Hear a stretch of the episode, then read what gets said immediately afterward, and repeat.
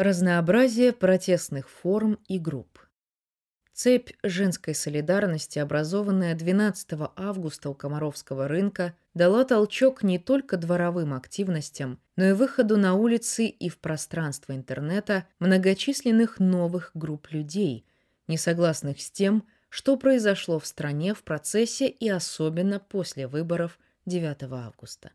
13 августа в центре Минска на площадь Якуба Колоса вышли честные учителя, чтобы заявить, что далеко не все из них участвовали в фальсификациях. Кто-то вообще отказался от работы в избирательных комиссиях, а кто-то считал голоса честно и отказался подписывать фальшивые протоколы.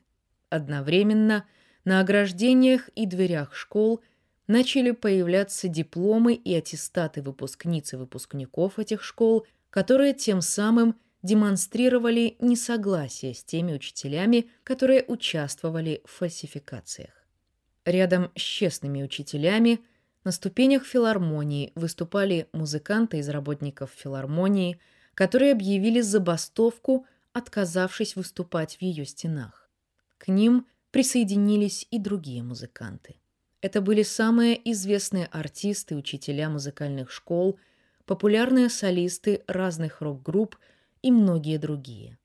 Все они вышли на улицу и продолжали выходить затем каждый день, пока милиция не начала их разгонять и преследовать. Тогда был создан вольный хор, до сих пор исполняющий революционный репертуар и выступающий в самых невообразимых общественных пространствах. На станциях метро, в шопинг-молах, у Минского мемориала жертвам Холокоста «Яма» и во дворах. 11-13 августа также начались митинги и забастовки на крупных белорусских предприятиях. Уже 17 августа СМИ сообщали о забастовках на более чем 10, среди которых были такие, как Гродненский «Азот», Минский автомобильный завод «МАЗ», Белорусский автомобильный завод «БелАЗ» и другие – рабочие не выдвигали экономических требований. Все их требования были политическими. Прекратить насилие в отношении мирных граждан, выпустить всех политических заключенных, провести новые честные выборы. Белорусские и мировые СМИ облетело видео с приездом Лукашенко на Минский завод колесных тягачей МЗКТ. Все время, пока он выступал, рабочие кричали «Уходи!» Бывший глава государства, был вынужден прервать свою речь словами «Спасибо, я сказал все. Можете кричать «Уходи» и уехал с завода. В этот же день, 17 августа, о бессрочной забастовке заявили работники Беларусь-Калия в Солигорске, одного из крупнейших в мире производителей минеральных удобрений. В акции протеста и забастовки втягивались представители самых разных профессий по всей Беларуси. Цепи солидарности и локальные протестные акции растянулись по всему Минску. С 14 августа, после создания Координационного совета, его представители и в особенности Мария Колесникова стали постоянно участвовать в различных акциях. Забастовка началась на Белтелерадиокомпании. О своем увольнении стали заявлять журналисты государственных теле- и радиоканалов, а также печатных изданий. Более 160 журналистов государственных СМИ направили письмо министру информации с призывом остановить насилие в отношении граждан Беларуси, а также журналистов.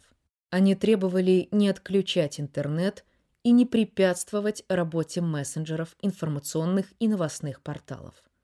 К протестам подключилось несколько православных, католических и протестантских священнослужителей и верующие различных конфессий. Был проведен крестный ход и совместная молитва против насилия на площади Свободы, где находятся православный и римско-католический кафедральные соборы. Сотрудники Академии наук – также начали выходить на протесты в центре Минска. 13 августа коллектив старейшего в Беларуси Национального академического театра имени Янки Купалы под руководством бывшего посла и экс-министра культуры Павла Латушка выступил с открытым обращением к властям с требованием остановить насилие и вступить в диалог с обществом.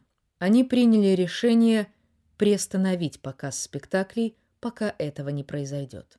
А несколько десятков сотрудников Гродненского драматического театра и Могилевского облдрамтеатра обратились к властям с открытым письмом. В тот же день белорусское арт-сообщество провело акцию «Не рисуй, бастуй» у стен Дворца искусств в Минске. 14 августа тысячи рабочих Минского тракторного завода прошли маршем в центре города и дошли до Дома правительства. Там они объединились с другими колоннами протестующих. Рабочие скандировали «Уходи» и требовали отставки Лукашенко, новых выборов с участием независимых наблюдателей, освобождения всех политзаключенных и задержанных. Десять сотрудников ОМОНа, охранявших здание, опустили защитные щиты. И к ним бросились женщины с цветами, интерпретируя происходящее как знак примирения. В ответ ОМОНовцы продолжали стоять с опущенными щитами. 16 августа в Бресте, население которого чуть более 300 тысяч жителей, 30 тысяч человек собралось на главной площади города. Навстречу к ним вышел мэр Бреста, а также глава местного следственного комитета и городской прокурор.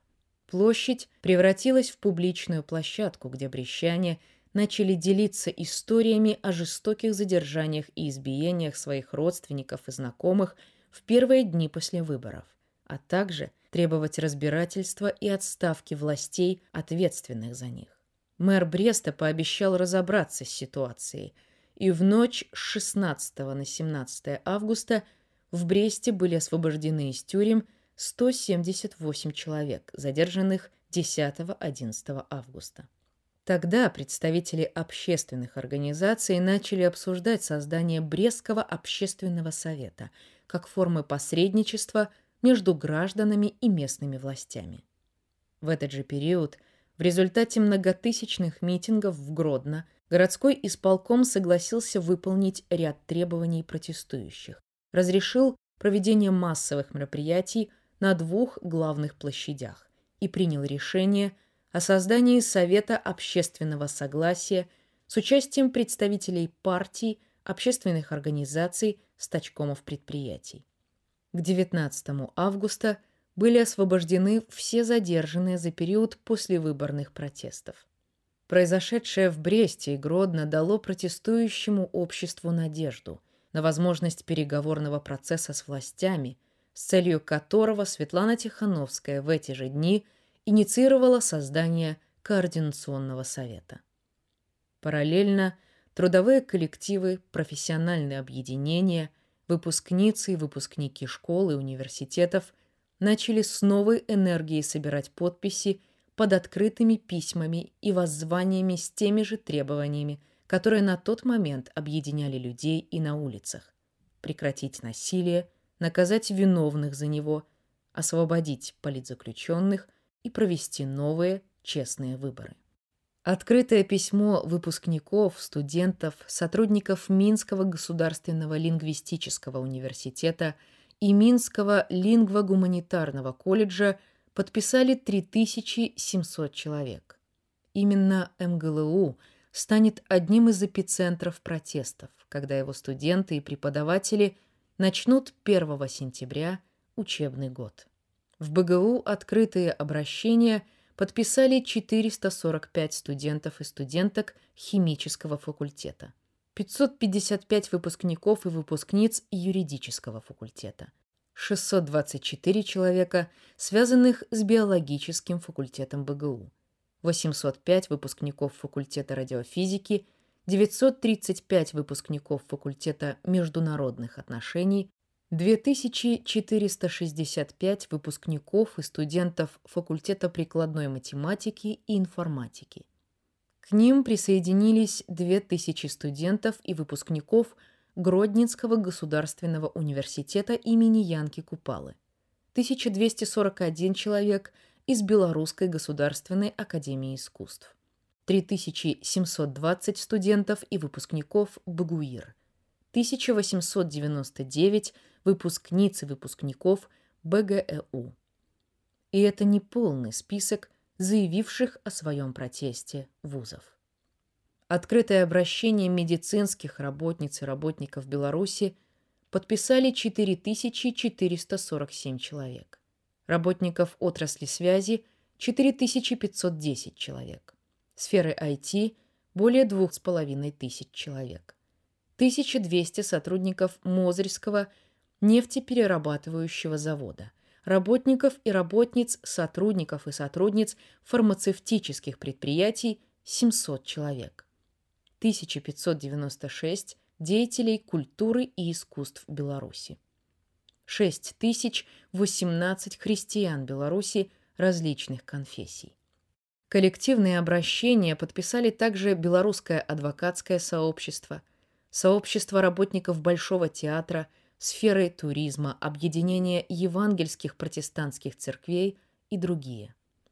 Такого рода письма и видеообращения, объединявшие от нескольких десятков до нескольких тысяч человек, выходили на протяжении последующих месяцев, в том числе и в связи с политически мотивированными преследованиями, увольнениями и отчислениями. Так, после увольнения 31 августа ректора БГУКи Алины Корбут по политическим мотивам, ее восстановление в должности потребовали 6529 человек.